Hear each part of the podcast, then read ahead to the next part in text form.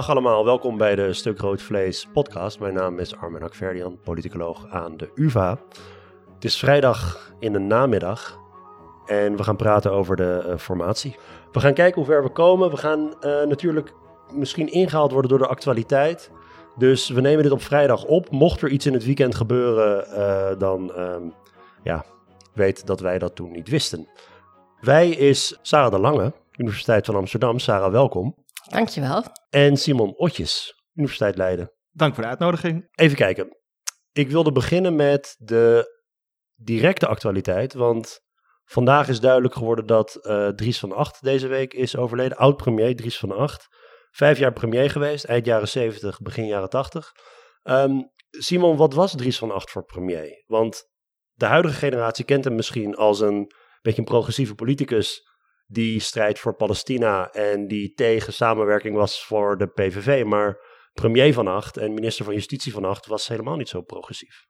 Nee, dat was natuurlijk ook een hele andere periode. Maar Van Acht is ooit binnengehaald in het uh, eerste kabinet Biesheuvel als een progressieve KVP'er die dat kabinet misschien wat, wat progressiever beeld zou kunnen geven. Dat was niet een heel erg lang, uh, het kabinet is niet erg lang aangebleven. En daarna werd hij minister van Justitie in het kabinet Den L, waar hij eigenlijk voortdurend in conflict was juist met de progressieve.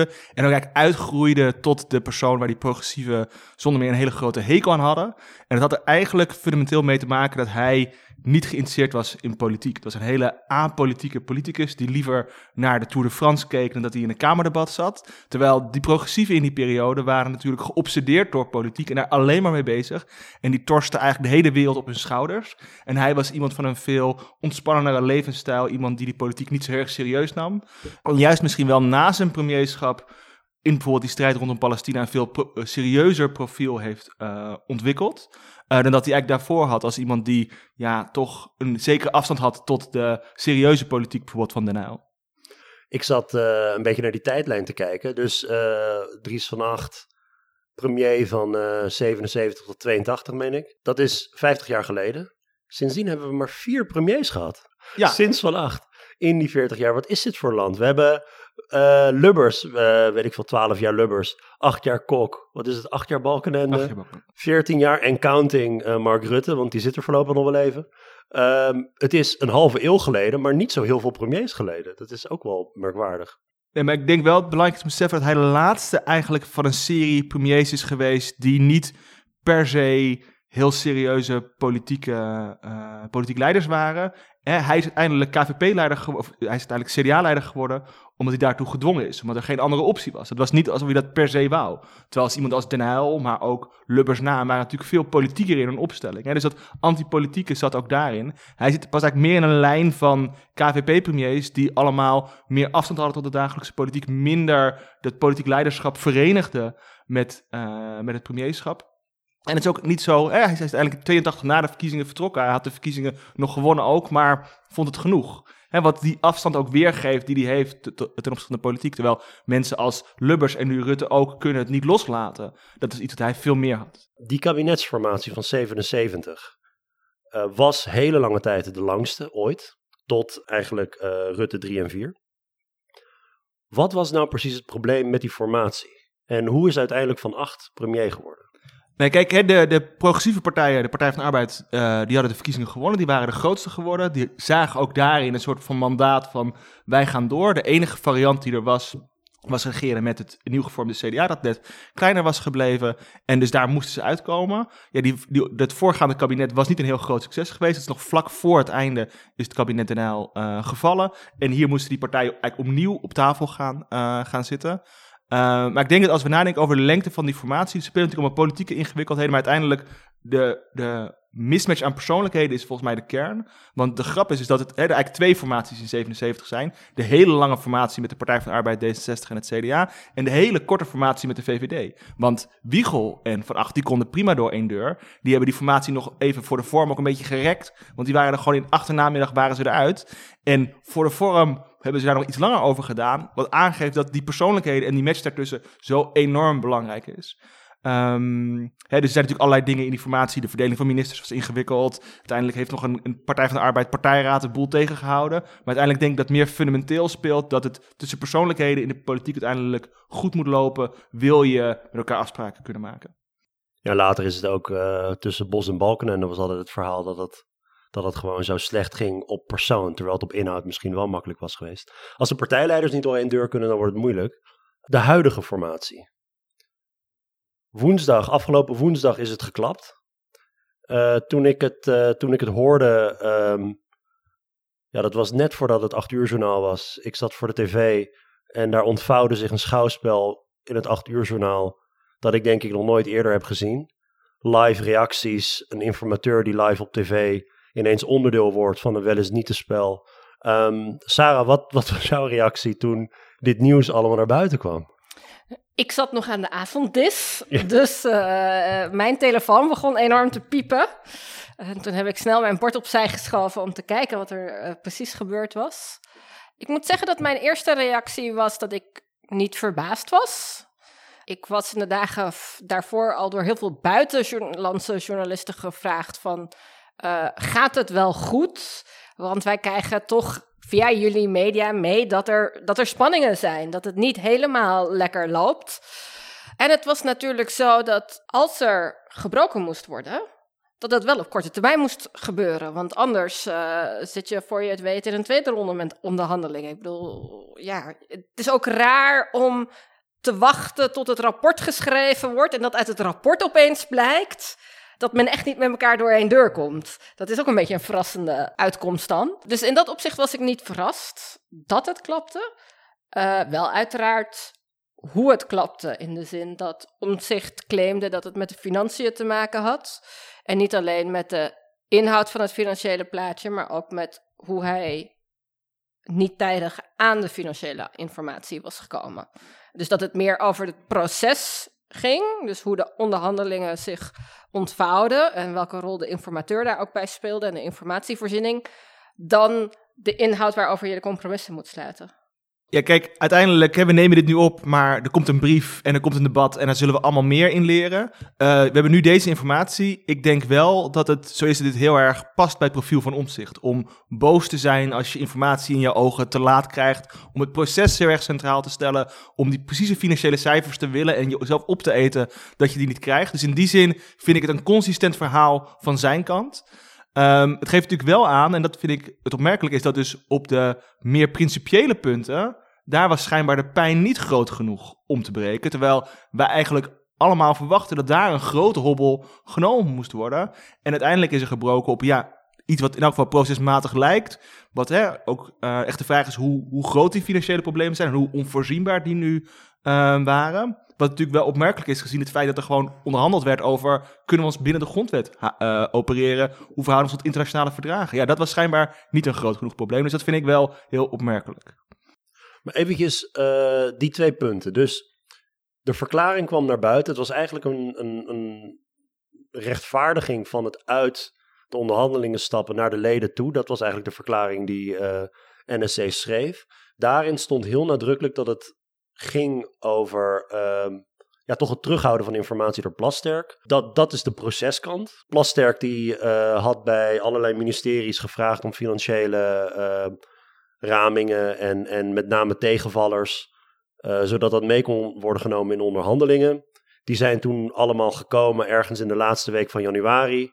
Nou, een week later had Omtzigt ze nog steeds niet en blijkbaar is dat voor hem dan de reden om, om eruit te stappen. Een, een week maar hij zei ook, en dat is dan de inhoud, uh, dat op basis van deze financiële tegenvallers hij zijn verkiezingsbelofte niet kon waarmaken.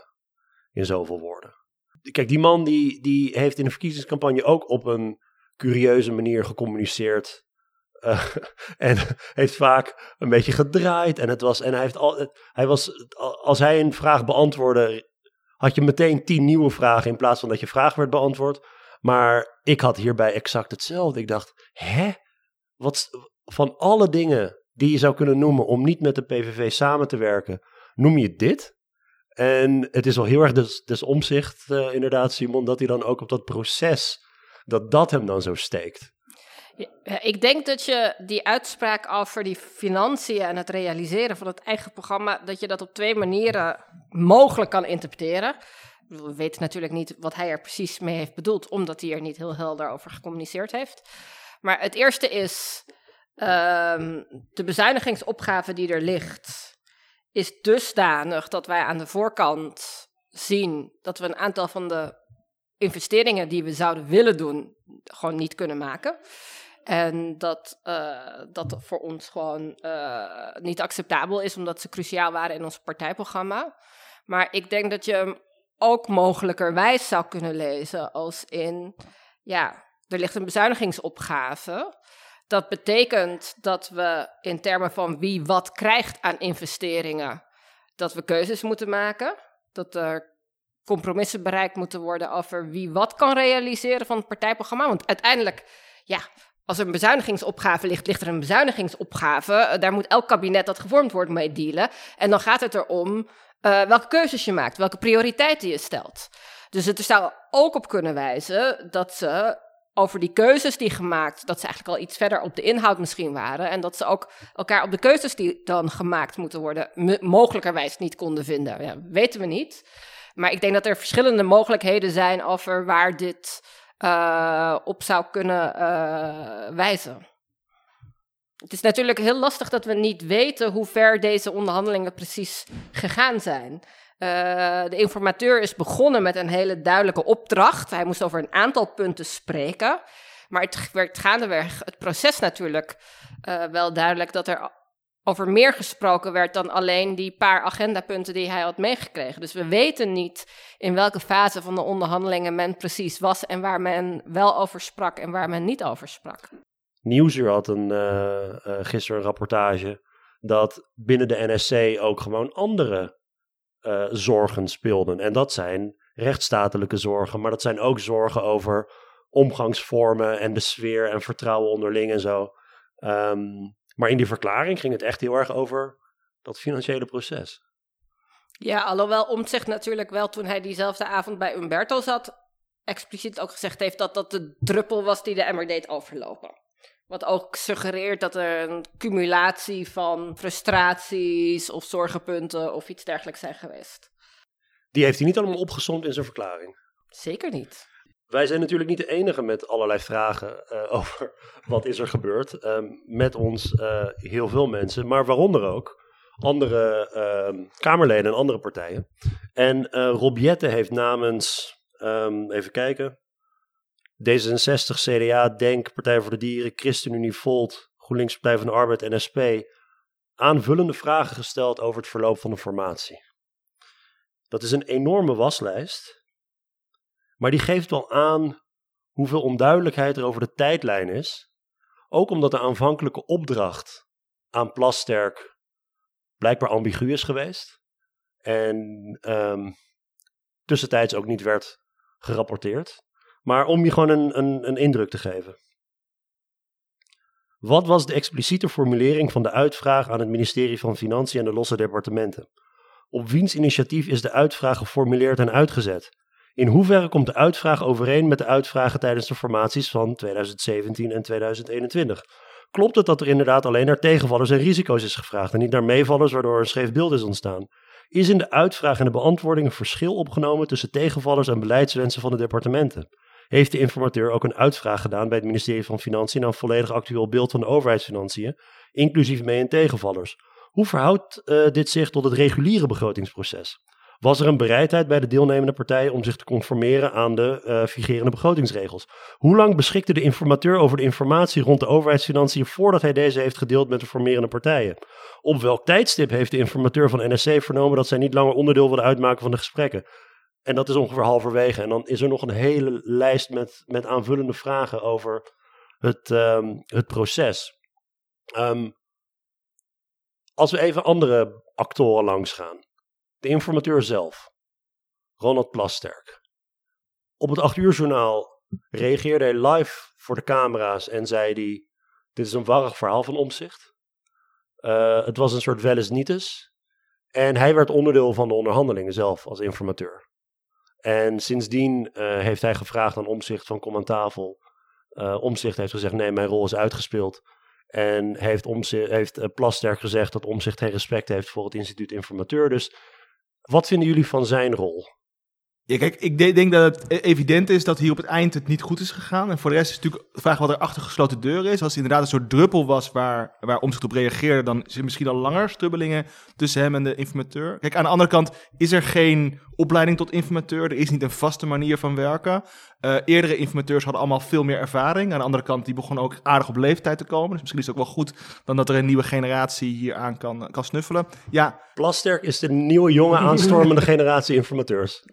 Ja, maar kijk, als we voortdurend naar Herman Cenk Wieling kijken, die man is ook op een bepaald moment wel, eh, wel klaar. Dus ik denk in die zin, ja, dit gaat niet goed, maar er is niet een soort van perfecte informateur die alles alleen maar goed kan doen. Een boel, in het verleden, hè, er werd bijvoorbeeld nu om Plasterk heen onderhandeld, wat niet een heel goed teken is, maar dat is in het verleden ook met iemand als Lubbers gebeurd. Dus in die zin, ja, dit, het is evident dat daar tussen hem en, en, en Omtzigt het niet goed is. Of het geheel aan hem ligt en een soort van onervarenheid, vind ik heel lastig om precies te zeggen. Het is aan de andere kant ook gewoon een onmogelijke positie om te hebben, denk ik. Ja. En Plasterk had er natuurlijk voor kunnen kiezen om niet te zeggen het is een warrig verhaal. Hij had gewoon drie keer kunnen herhalen.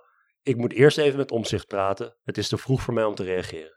Maar hij koos er gewoon voor om de aanval in te zetten. En dat is toch niet zo gangbaar dat een informateur zich op die manier mengt in zo'n proces. Nee, absoluut niet. Maar er zijn wel meer dingen niet gangbaar aan dit proces. Dus in zekere zin eh, is dat zeker zo. Kijk, maar het gaat om sociale media. Denk ik wel dat we in Nederland een bijzonder weinig transparant formatieproces hebben. En hoe lelijk het ook is wat we daar op sociale media zien, zien we nu wel meer van hoe die dynamiek verloopt dan voorheen. En ik denk dat wij in Nederland veel kunnen leren van andere landen waarop op een openere manier geformeerd wordt. En waarbij burgers dus beter weten wat er wanneer op tafel ligt. En dat geldt dan ook voor de rest van de Kamer. Ehm, die geslotenheid die we in Nederland zo centraal stellen, is niet per se de enige manier waarop je kan formeren. Vertel. Nou, kijk, bijvoorbeeld de, de, de Duitse formaties, dat is, ze hebben, dus hun buurland is niet zo heel ver weg, zijn heel anders in de zin van dat eh, partijleiders daar veel meer communiceren. Dit is er deze week gebeurd. Er veel meer bezig zijn om ook gewoon met het publiek via persconferenties of met, aan journalisten te delen van dit staat er nu, eh, dit, dit staat er nu, eh, wordt nu over onderhandeld. En daar wordt in veel bredere kring dan alleen maar tussen de acht onderhandelaars in dit geval gesproken over de teksten die, die, die neergelegd worden. Daar wordt aan, er worden al, zijn wel 500 mensen betrokken bij zo'n formatieproces. Alle partijen hebben er zijn aan tafels uitgenodigd, waardoor er ook veel meer openheid is over wat er daar besproken wordt. In Nederland is het zo, uiteindelijk ligt er een regeerakkoord, de VVD-fractie krijgt dat een uur om te lezen, kan er alleen maar ja tegen zeggen. Terwijl daar worden veel meer politici betrokken in dat proces. Dus ik denk dat het Nederlandse gebrek aan transparantie niet per se de enige manier is om het te doen. En dat je hier in elk geval ziet dat, Nederlands, dat het ook echt gaat wringen dat er weinig transparantie over is. Maar waarom zou dat in Nederland niet kunnen? Past dat gewoon niet bij onze politieke cultuur? Of Ja, politieke cultuur is natuurlijk een rot begrip, omdat ja, je kan alles verklaren aan de hand van cultuur. Maar er is natuurlijk wel zo dat Nederland in algemene zin een meer gesloten politieke cultuur heeft dan andere landen. Dat er überhaupt de, de cultuur van de overheid ook is om veel geslotener te zijn. Hè, dat in die zin hè, de, de sms'jes van Rutte, hè, het gebrek aan de duidelijkheid daarover, past echt in een cultureel patroon dat we in Nederland hebben van een gebrek aan, aan, aan duidelijkheid. Dat wordt altijd gekoppeld aan het feit dat we in Nederland die geslotenheid nodig hebben om tot compromissen te komen. Maar of dat per se zo is, dat geloof ik niet helemaal. Dat is ook een van de redenen natuurlijk dat eh, veel van de politieke partijen eh, zo huiverig zijn voor het minderheidskabinet. Want ook dan moet er toch veel meer van de onderhandelingen, die moeten eh, wat meer richting de openbaarheid. Omdat je ja, toch ehm, duidelijk moet maken hier en daar, ja, we gaan eerst steun zoeken voor, voor deze wetgeving eh, bij die partij. Want we denken dat die partij eh, het meeste overeenkomsten met ons op dit beleidsterrein heeft. Het is al wonderbaarlijk dat je zelfs met nieuwkomers of outsiders of onconventionele politici, zoals Omzicht van der Plas, Wilders, dat je dan toch, heb, hebben die zich zo die normen geïnternaliseerd, dat zij precies hetzelfde doen als al die eh, mainstream politici van weleer? Absoluut. Ik bedoel, kijk, het is Dat natuurlijk is fa- snel gegaan. Het is fascinerend dat Omtzigt zo'n kritiek heeft op dat monisme. Hè, dus het feit dat er zo'n verbondenheid is tussen de Kamer aan de ene kant, de coalitiepartijen en de regering, die allemaal in regeerakkoorden voorbereiden. En dan volgens achter gesloten deuren gaat onderhandelen. Ja, nergens staat dat dat moet. Ik denk gedeeltelijk dat als je met radicaal rechts gaat formeren, dat om een beeld van normaliteit vast te houden, je wel binnen de, de bestaande normen wil opereren. Om ervoor te zorgen ja, dat je laat zien van er is gewoon continuïteit en het is helemaal niet zo raar dat we dit doen. We houden ons aan de bestaande normen. Dat misschien daar ook wel mee samenhangt dat ze daar nu heel erg voor gekozen hebben. Maar ik begon ook, eh, zeg maar, mijn reactie met, ehm, er zijn wel talloze andere redenen waarom omzicht had kunnen breken, in plaats van over financiën of, of proces. Ik heb volgens mij jullie allebei niet eh, on the air gesproken sinds de verkiezingen. Wel, Dat klopt. wel vooraf natuurlijk. Sarah, bij onze grote voorbeschouwing in, in augustus na de val van het kabinet, zei jij nog, toen niemand het had over Wilders en de PVV, zei jij nog van, nou ja, we hebben geen flauw idee hoe dit gaat verlopen. Maar als het, een als het een campagne wordt over migratie, dan hebben we een heel andere uitkomst dan als die gaat over stikstof. Eh, nou, dat, dat waren profetische woorden. Maar ik heb je eh, na de verkiezingsuitslag niet gesproken. Het feit dat überhaupt eh, wordt onderhandeld met de PVV door Jeziel Gus en, ehm en Omzicht. Met name door Omzicht. Wat vinden jullie daarvan? Ja, het is niet verrassend als je kijkt naar wat we weten over dit type coalities uit het politicologisch onderzoek. Dus op het moment dat de ideologische verschillen niet te groot zijn tussen zijn, eh, mainstream rechts en, en populistisch radicaal rechts, en er meerderheid is, is het voor beide kanten aantrekkelijk om zo'n coalitie te vormen. En het interessante is dat de meeste van deze coalities waarover onderhandeld is, dat die onderhandelingen ook vrij vlot zijn gegaan en tot een kabinet hebben geleid. Er zijn eigenlijk nauwelijks onderhandelingen te noemen tussen gevestigd rechtse partijen en populistisch radicaal rechtse partijen. eh, echt in de context van een formatieproces waar er officieel met elkaar gesproken is, eh, die gefaald hebben. Eh, en waarnaar een andere coalitie gevormd moest worden. Dus in dat opzicht is, is gezien de uitslag zijn de onderhandelingen niet zo verrassend. Ehm, er zijn natuurlijk niet zoveel populistisch radicaal rechtse partijen die zulke extreme beleidsvoorstellen hebben als het over islam gaat als Geert Wilders. Dus de PVV is in dat opzicht wel uniek. Ehm, er zijn wel in andere landen zorgen ook geweest over de mate waarin deze partijen zich eh, binnen de kaders van de democratische rechtsstaat zouden beschrijven, begeven. Eh, ten tijde van het, een van de allereerste kabinetten die we van dit type kennen, eh 2000 in Oostenrijk, is er ook echt een preambule geschreven om dat eh, af te dekken.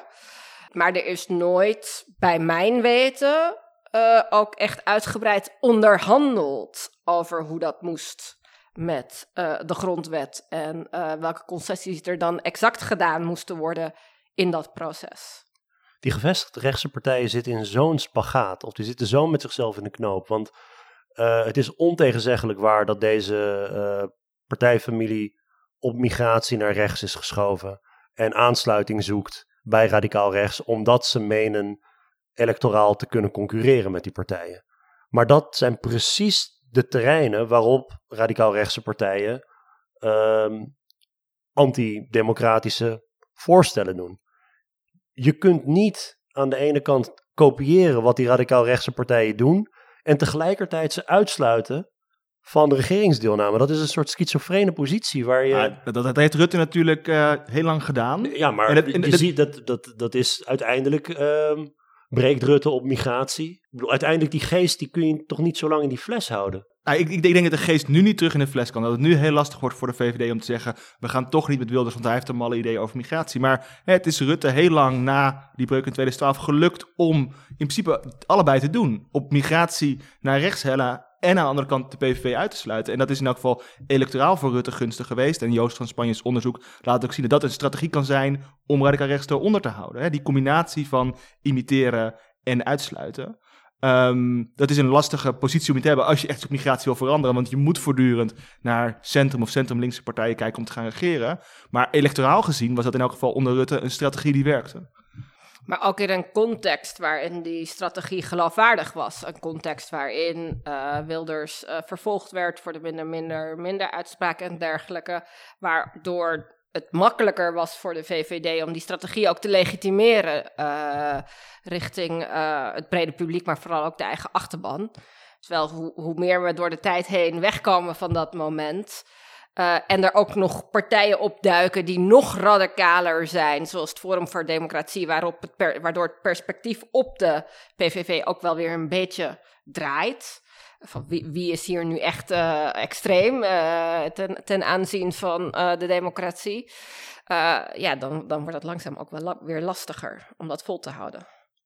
En ehm, ja, Omzicht, die heeft natuurlijk... Kijk, in de campagne is hij over heel veel dingen onduidelijk geweest. Maar hij was vanaf het begin af aan wel duidelijk dat hij niet met de PVV in een regulier kabinet wilde, eventueel wel gedogen. Nu is dat natuurlijk ook weer zoiets dat je denkt: oké, maar als de PVV echt een no-go is om mee samen te werken in een kabinet, waarom dan wel gedogen? Want blijkbaar kun je dan dus wel.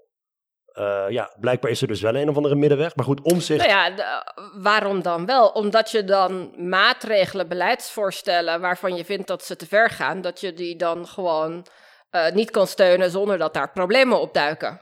En dat je ook niet in dezelfde mate verantwoordelijk gehouden wordt voor de uitspraken die je coalitiepartner doet. Uh, dus ja, er, er zit wel, zitten wel nuanceverschillen tussen echt tot een kabinet toetreden. En daarmee ook ja, toch een soort medeverantwoordelijkheid krijgen voor wat je coalitiepartners doen. Uh, of een kabinet steunen vanuit de oppositie als gedoogpartij. Uh, en daar niet helemaal verantwoordelijk voor zijn. En ook andersom zien we dat dat zo werkt. Dus als je kijkt naar de Deense situatie, waarin de Deense Volkspartij uh, heel lang gedoogd heeft, daar kan je ook van zeggen: van ja, waarom zou je dat doen als je toch op bijna anders alles samenwerkt? Ja, ook omdat je dus niet uh, de verantwoordelijkheid wil nemen voor een Deense Volkspartij in je kabinet. Nee, oké, dat de Deense Volkspartij de regering gedoogt en dat de PVV in 2010 de regering gedoogt, is iets anders dan andere partijen die een regering van de PVV gedogen. Uh, en ik ben, ik ben het met je eens dat het allemaal grijstinten zijn. Maar we zijn hier wel aan het grijstinten over vraagstukken waarover je niet zou moeten grijstinten. Dus in die zin probeert om zich natuurlijk um, have his cake and eat zoals uh, de Engelsen zouden zeggen. Um, en ik vind dat een moeilijke positie om te verkopen aan een breder electoraat. Tegen wie je zou willen zeggen, ja, met de PVV moet je eigenlijk niet willen regeren vanwege een aantal onverenigbare standpunten met de uh, democratische rechtsstaat. Um, maar hoe dan ook, Omzicht heeft in ieder geval gezegd in die campagne: wij gaan niet samen met de PVV. Um, dus in die zin, het feit dat hij nu niet samen doorgaat met de PVV in een reguliere en misschien wel in een gedoogconstructie, moet ook voor zijn kiezers, denk ik, um, ja, die hebben zitten slapen tijdens de campagne misschien. Maar hij was daar in ieder geval wel duidelijk over. Maar de vraag is een beetje, welke opties liggen er dan nog op tafel? Nu dus dit geklapt is en omzicht zelfs niet meer wil praten. Hij zegt, deze fase is voorbij in de, uh, in de coalitieonderhandelingen. Ja, hij zegt, deze fase is voorbij, maar dat hebben heel veel partijen hebben gezegd. Je ziet ook zei aan het begin, wij gaan niet meeregeren, wij gaan alleen maar gedogen. Dat leek toch ook wel veranderd uh, te zijn. Ik bedoel, hè, uh, als politicoloog is de neiging in elk geval heel sterk om dit soort dingen ook puur strategisch te gaan duiden. Kijk, Omtzigt heeft een voorkeur voor een bepaald soort kabinet. Hoe kan je dat forceren? Door op een bepaald moment het proces te laten breken, een, regulier kabinet niet te laten gebeuren, en dan vervolgens een minderheidskabinet of een extra parlementair kabinet op die manier te forceren. Dus vanuit de politiek-strategische bril is eigenlijk allemaal heel erg logisch. Hij moest het ergens op laten breken. Hij laat het op zijn omzicht hierover breken, om op die manier de kabinetsvariant die hij wil te forceren. Kijk, je kan ook een andere duiding, een meer psychologische duiding geven, die ik overlaat aan, aan journalisten die er dichterbij zitten. Maar hè, puur strategisch is het een heel simpel proces. Hij wil een bepaald type kabinet, dat forceert hij door te breken. Ja, en hij, hij moest die stap ook nemen, omdat uh, we nu nog in een situatie zaten waar formeel nog steeds op tafel lag dat de VVD wilde gedogen. Zij hadden dat als eerste uitgesproken, waardoor hij dat niet op dezelfde manier ook op als harde ijs kon neerleggen. Uh, en door zich terug te trekken uit de onderhandelingen heeft hij een nieuwe realiteit gecreëerd, waarin de VVD toch ook helderheid zal moeten scheppen over de vraag of zij nu in deze nieuwe situatie waarbij zij nog wel in de onderhandelingen zitten en waar het lijkt de laatste weken dat zij op zich goed door één deur kunnen met BBB eh, en PVV. Uh, als je kijkt naar de gelijktijdige statements, bijvoorbeeld van de afgelopen week die steeds gemaakt zijn, lijkt het erop dat het tussen hun drie redelijk goed gaat in de onderhandelingen. Ja, dan zullen zij toch moeten verhelderen of zij nu bereid zijn om dan uh, tot een echt kabinet toe te treden in plaats van een gedoogpartner te zijn. Dus hij heeft gewoon geprobeerd om de, de, de, ja, de situatie om te keren wat dat betreft.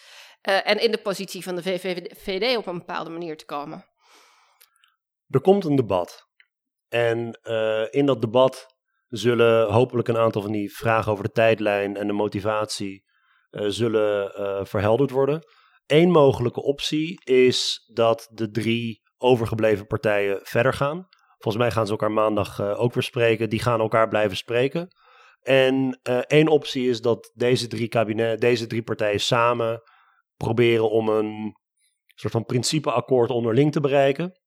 En vervolgens kunnen ze NSC benaderen om formeel mee te doen. Misschien als gedoogpartner met zo'n inlegvel. Met op een aantal dingen doen we dingen met z'n vieren. Of het vrij te laten en met wisselende ehm, eh, eigenlijk meerderheden te werken. Nou, de Eerste Kamer hebben we ook nog. Dat is toch een heel ander dossier. Ehm, dat is een eh, mogelijke optie, toch Simon?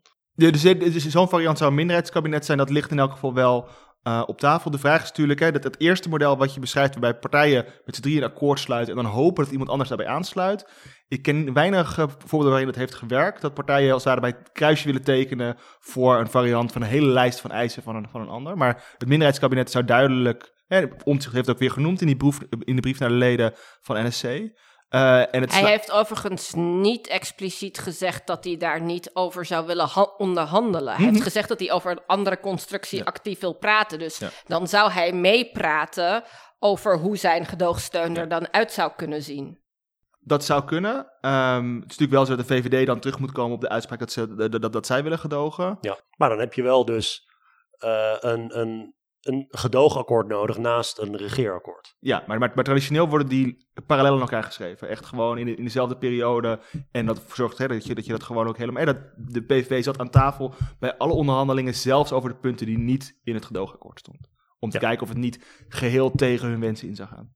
Zonder een, uh, laten we zeggen, meer geïnstitutionaliseerde gedoogpartner... Uh, daarvan ken je geen precedenten? Of geen presidenten die succesvol zijn in Nederland? In, in Nederland, zonder geïnstitutionaliseerde gedoogpartner. Ja, er is technisch gezien een minderheidskabinet geweest tussen 1918 en 1922, maar dat telt niemand mee. Maar voor de rest. Kijk, daarom zit Simon aan tafel. Ik wist ja, het. En in deze situatie is dat natuurlijk ook niet iets wat voor de hand ligt. Je kan zo'n situatie je voorstellen als je een meer centrumkabinet hebt. Dat allerlei opties heeft, ter linker, ter rechterzijde, conservatief, progressief, om meerderheden te creëren. Maar dit zou om een heel rechtskabinet gaan. Dat alleen maar één kant op kan om steun te vergaren. Uh... Maar stel nou op die sociale uitgaven en zo. Hè?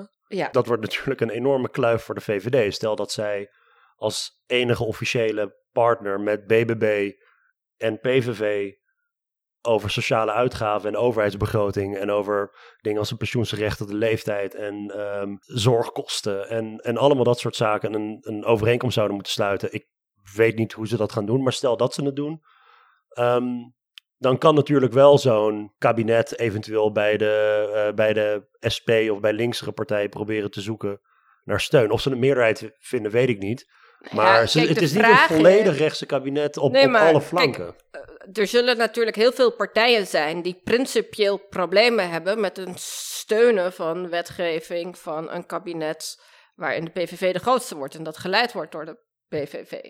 We kunnen van tevoren eh, zien dat um, waarschijnlijk D66, uh, GroenLinks, PvdA, uh, Volt en dergelijke daar, daar niet happig op zullen zijn. Maar dat Zelfs als het gaat om, om voorstellen die, eh, die ze misschien inhoudelijk niet zo slecht vinden. Dat zou wel echt een breuk zijn met de Nederlandse cultuur die er is, waarbij partijen in principe altijd wetgeving op inhoudelijke grond steunen. De oppositie steunt heel veel wetgeving en niet om principiële redenen eigenlijk zegt van u zit in het kabinet, daarom steunen we het niet. Dus dat zou echt wel een breuk zijn. Ik kan het me aan de ene kant lastig voorstellen, maar aan de andere kant als de partijen gewoon blijven eh, doen, zoals ze nu opereren, zoals de SP het ook gedaan heeft met hun motie over het eigen risico, juist heel bewust proberen om die meer sociale doelen te bereiken, zelfs als je daarvoor de steun van radicaal rechts nodig hebt. Dus ik zou niet zo stellig zijn dat het niet gaat gebeuren. Ik, ik kan me het scenario voorstellen waarbij ze zeggen, dat doen we niet. Ik kan me ook een scenario voorstellen waarbij ze zeggen van, nou ja, we gaan nu gewoon kijken wat er kan en we gaan over, op, op, op economische onderwerpen misschien wel meer bereiken dan in de afgelopen jaren. Ik kan me goed voorstellen dat ze dat zullen doen als er een vaste gedoogpartner is.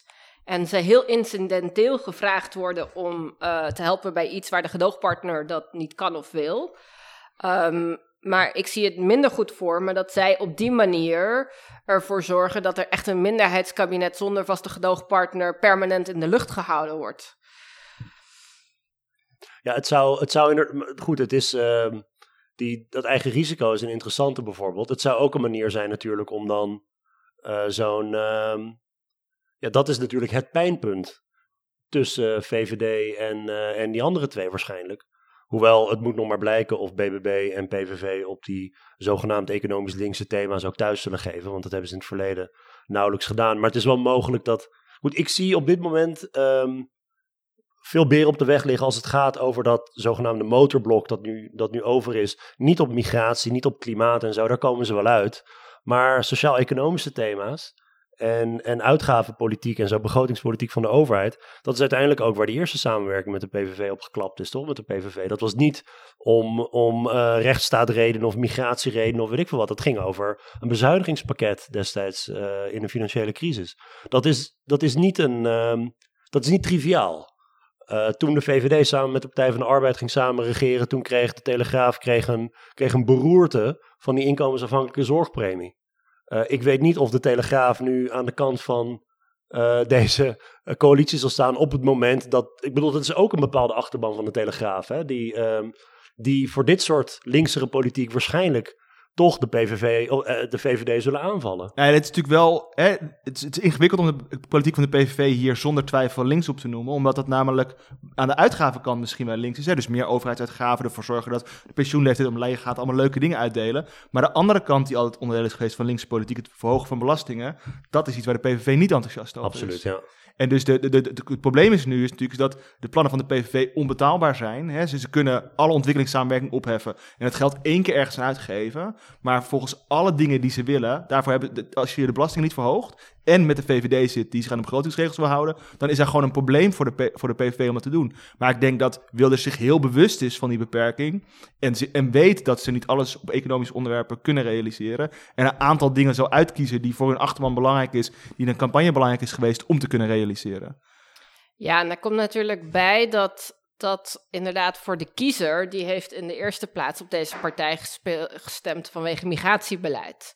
En het is cruciaal voor de PVV, en dat, dat, weten we ook uit de ervaringen van andere populistische radicaal-rechtse partijen die soms heel erg afgestraft zijn voor hun regeringsdeelname, dat ze daar uh, concessies op binnenhalen en dat daar het beleid uh, strenger wordt.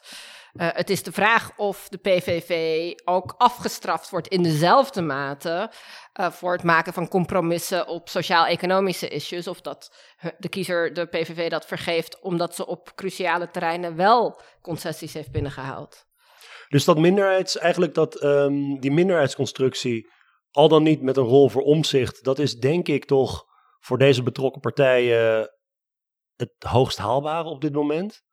Of uh, Simon, zie jij nog andere opties? Nog even los van de meer uh, excentrieke, extra parlementaire uh, varianten en zo. Nou, ik, denk, ik, ik vind hoogst haalbaar hier een ingewikkelde term. Omdat ik namelijk denk dat voor de PVV een regulier meerderheidskabinet... Of, of, of, een variant waarin er, waar er nog minder partijen deelnemen in de minderheidsvariant, waarbij ze heel veel winstpersonen moeten gaan leveren, echt onmogelijk gaat zijn, omdat de PVV een enorm personeelsprobleem heeft. Dat is gewoon praktisch al zo dat er eigenlijk geen Kamerleden kunnen doorstromen, ook geen Eerste Kamerleden kunnen doorstromen naar het kabinet, want dan is de lijst gewoon op. Uh, maar in bredere zin heeft de PVV niet een batterij vol oud-Kamerleden die gemakkelijk minister kunnen worden. Dus ik denk dat het voor hen aantrekkelijk is om te werken in een variant waarbij er meer ministers van buiten komen, meer onafhankelijke ministers. Uh, wat dus dat kabinet ook al in de zin van omzicht wil, de, de afstand groter zal maken tussen het kabinet en de fracties. Dus dat is wel die extra parlementaire variant. Ja, het, het, ingewikkelde is, er is, er is niet een soort van regel van dit is een extra parlementaire variant. Het was in Nederland tot midden jaren 60 best gebruikelijk om ministers te hebben of staatssecretarissen die geen lid waren van een politieke partij. En dat zal hier, denk ik, om het personeelsprobleem van Wilders, als hij mee gaat regeren, op te lossen, wel moeten. Oké, maar ja, los... en dat is ook natuurlijk, bij de afgelopen formatie heeft D66 daar ook tot, tot zekere hoogte gebruik van gemaakt.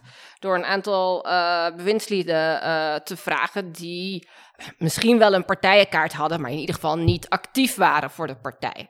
Dus zo uniek zou dat ook weer niet zijn. Maar dan heb je het over uh, mensen als Dijkgraaf en Kuipers. Dan heb je het over Dijkgraaf, Kuipers en dergelijke, ja. Ja, kijk, dat zijn goede voorbeelden om, om even een punt te illustreren. Want de kern was wel een regeerakkoord met een zwaartepunt in de Kamer, onderhandeld door politieke partijen en hun partijleiders. En dat je dan voor de poppetjes uh, misschien iemand anders uh, van buiten naar binnen haalt. Uh, ja, de LPF komt ook met, weet ik veel, Heinsbroek en hoe heet die andere nou, Bomhoff. Niet dat dat nou per se expert, ja, Bomhoff wel. Bomhoff was wel een, een expert op financiën tot op zekere hoogte. Heinsbroek natuurlijk Ehm, ja, kwam uit uit, uit de platenwereld. Maar dat is een andere constructie dan wat ik begrijp van een extra parlementair kabinet. Waarbij ook de totstandkoming van het regeerakkoord anders is. Ja, dus het fundamentele verschil bij een extra parlementair kabinet is dat er geen regeerakkoord is dat gesloten is tussen fracties, maar dat er uh, ministers worden aangesteld en dat zij samen een regeerprogramma schrijven. Waarbij dus die fracties niet betrokken zijn bij dat proces en zij Ja. gewoon samen zeggen, op deze punten gaan wij samenwerken. Je ziet dat in zo'n kabinetten er vaker ministers van buiten zitten. Tegelijkertijd is dat niet per se altijd zo. Colijn heeft allerlei extra parlementaire kabinetten geleid, terwijl hij ook leider van de ARP was. Ja, maar dat is dus een. eh, maar is dat een optie die voor Wilders aantrekkelijk zou zijn? Om zijn partijprogramma te realiseren. Dat dan een team van, van buitenstaanders eigenlijk eh, gaat, ehm, gaat Nee, regeren. Hij heeft wel echt nodig dat hij beleidshervormingen kan claimen als zijnde van de PVV. En er komt ook nog bij dat het natuurlijk niet evident is dat eh, allerlei experts of ervaren bestuurders zich zomaar zullen verbinden aan een kabinet eh, dat eh, leunt op de, de grootste steun van de PVV. Er zit natuurlijk ja, toch een zeker afbreukrisico aan voor, voor experts. Die zullen ook misschien zorgen hebben over hoe stabiel de steun is van al deze nieuwe partijen. Eh, het is niet evident dat zij daar zo makkelijk allerlei mensen voor zullen vinden. Maar wat, waarom is dan een minderheidskabinet niet het hoogst haalbare? Wat voor andere meerderheidsopties zie je dan, Simon, voor de, voor de PVV? Nee, voor de PVV is denk ik de, het hoogst haalbare is breken en nieuwe verkiezingen. Want dan kunnen ze namelijk het hele perso- het gedeelte van het personeelsprobleem dat ze hebben ook gewoon oplossen. Ze staan nu op, op, op meer zetels dan dat ze hadden. Er is een duidelijk een rechtsere meerderheid nu mogelijk. Dus volgens mij heeft het, heeft het hun voorkeur, tenminste ook het Twitter-gedrag van Wilders zou er enorm bij aansluiten, om ervoor te zorgen dat er nieuwe verkiezingen komen, dat hij een langere lijst in kan dienen en op die manier een aantal van de problemen die hij nu rondom personeel heeft op te lossen. Maar er zijn weinig andere partijen die ook baat hebben bij eh, nieuwe verkiezingen, waardoor het heel lastig wordt om dat eh, te forceren. De vraag was, wat is het hoogst haalbare voor Wilders? Dat was de vraag. Nou ja, Ja. ik wil daar wel bij aantekenen. Kijk, er zijn natuurlijk een aantal eh, landen geweest de afgelopen jaren die, die met dit type probleem hebben gekampt. Hè? Die, die een uitslag hadden waar, waar gewoon niet direct een kabinet uit voort kon komen. Spanje, Griekenland bijvoorbeeld. waar een aantal successieve verkiezingen zijn geweest. Het lastige daarvan is dat je aan de voorkant gewoon niet zeker weet of dat een eh, nieuwe realiteit creëert waarin alternatieve coalities een meerderheid hebben. Of dat je gewoon met exact dezelfde partijen weer verder moet onderhandelen, omdat er niet wezenlijk iets veranderd is. En daar komt dan nog bij dat in de Nederlandse context eh, het verkiezingsproces ook heel lang is. Dus voordat wij nieuwe verkiezingen hebben gehad die die nie- nieuwe realiteit creëren, eh, ben je ook nog eens maanden en maanden verder waarin je wel had kunnen onderhandelen om toch maar iets te bereiken. Uh, arme Christophe en zo van het NKO, dat die, eh, die, die zijn net bezig met het, met het opschonen van de data. Moeten ze weer een kiezersonderzoek doen. Nee, maar ik bedoelde met hoogst haalbare bedoel ik eerder ehm, voor de betrokken partijen nu zonder gezichtsverlies en toch enigszins hun programma realiseren. Lijkt me die minderheidsoptie met, met een gedoog eh, partner lijkt me toch te Maar- maar- verkiezen boven nieuwe, we- nieuwe maar, verkiezingen. maar, maar wie, wie is de gedoogpartner in dat geval? NSC. Want ik denk dat ook voor Wilders eh, het, het fijn zou kunnen zijn als hij kan gedogen.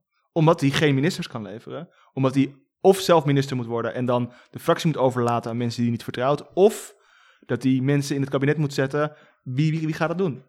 Dus je, je ziet misschien een optie voor je waarin NSC, BBB en VVD samen de kern vormen en gedoogd worden door Wilders. Voor deze breuk kon ik wat voorstellen. Dat, dat, dat, daar heeft Omtzigt nu natuurlijk gewoon eind aan gemaakt. Door de, zich terug te trekken uit deze samenwerking en zichzelf onmogelijk te maken ten opzichte van andere partijen. Ik, ik ben hier niet om oplossingen te bieden. Nee, ik ben het wel met Simon op dit punt eens. Eh, het is natuurlijk de vraag hoe aantrekkelijk regeringsverantwoordelijkheid nemen is voor populistische radicaal-rechtse partijen in zijn algemeenheid. Eh, omdat ze toch altijd compromissen moeten sluiten. Eh, dat kan hun worden aangerekend. In zijn algemeenheid zijn de meeste partijen ook nog niet heel ervaren met besturen. Eh, voor Wilders geldt dat veel meer dan voor andere populistische radicaal-rechtse partijen, omdat die meestal van onderaf, lokaal, provinciaal langzaam groeien. En op die niveaus ook ervaring opdoen met onderhandelen, besturen en dergelijke. Ja, de, de PVV heeft daar echt ook een tekort, niet alleen aan personeel daardoor, maar ook echt aan ervaring van hoe je dat aanpakt. Het kan wel succesvol zijn uh, als je de uh, one foot in, one foot out strategie hanteert. Dus dat je gaat regeren, je haalt op uh, je kernissues een aantal belangrijke punten binnen. En je slaagt erin om toch je populistische discours nog steeds uh, vast te houden door je niet langer te richten op de partijen waarmee je aan het besturen bent, maar op andere elites die je kan bekritiseren voor die het jou moeilijk maken om jouw uh, standpunten uh, allemaal echt te realiseren. Dus dan zie je, Italië is een heel bekend voorbeeld, want daar hebben deze partijen natuurlijk al heel vaak geregeerd. Dan zie je dat ze zich veel meer richten op de linkse media, op de rechterlijke macht, op de Europese Unie, die allemaal barrières opwerpen voor hun om uit te voeren wat het volk eigenlijk wil. Um, het interessante is dat je in de afgelopen weken ziet um, dat Wilders die draai eigenlijk nog niet of niet gemaakt heeft, want hij bleef zijn de partijen met wie hij aan het onderhandelen is adviseren in zijn social media communicatie. Dus uh, een one foot in, one foot out strategie uh, zie ik nog niet meteen uh, in de communicatie van de partij. Wilders die heeft op geen enkele manier blijk gegeven van dat over zijn schaduw heen stappen. Uh, hij blijft twitteren als een, als een kleuter, als iemand die diep in dat altrechtse uh, mediasysteem zit. Uh, in plaats van een daadwerkelijke radiostilte, of in plaats van dat mildere verhaal van hem naar buiten te brengen, door ja, toch een soort uh, leiding te nemen. Nou, hij heeft hij op één punt heeft hij dit wel gedaan. En dat is uh, dat hij zichtbaar, om concessies te doen aan zijn onderhandelingspartners, een aantal voorstellen die in de Kamer lagen heeft ingetrokken. Deze week nog twee om een soort goodwill te tonen. Daar kan je van zeggen dat dit, dat betekent misschien niks, want die lagen daar al jaren. Maar ik denk dat dat wel een, uh, een bewust signaal is geweest dat hij heeft willen geven aan zijn onderhandelpartners. Dat hij bereid was om in, elk geval iets te doen. De, het, geeft ook een beetje aan in wat voor dystopische werkelijkheid we zitten. Dat hij die uh, wetsvoorstellen in een steriele brief aan een Kamervoorzitter heeft geschreven. Een Kamervoorzitter die op een aantal van die meest afschuwelijke wetsvoorstellen gewoon een mede-initiatiefnemer was. Uh, om allemaal ons nog maar eens aan te herinneren hoe ver het Overton-window is verschoven. Ja, nee, uh, richting, dit, richting radicaal rechts. Deze dat... hele onderhandelingen laten weer zien uh, in welk proces van normalisering en mainstreaming van, van populistisch radicaal rechts uh, we zitten. Dat is overduidelijk.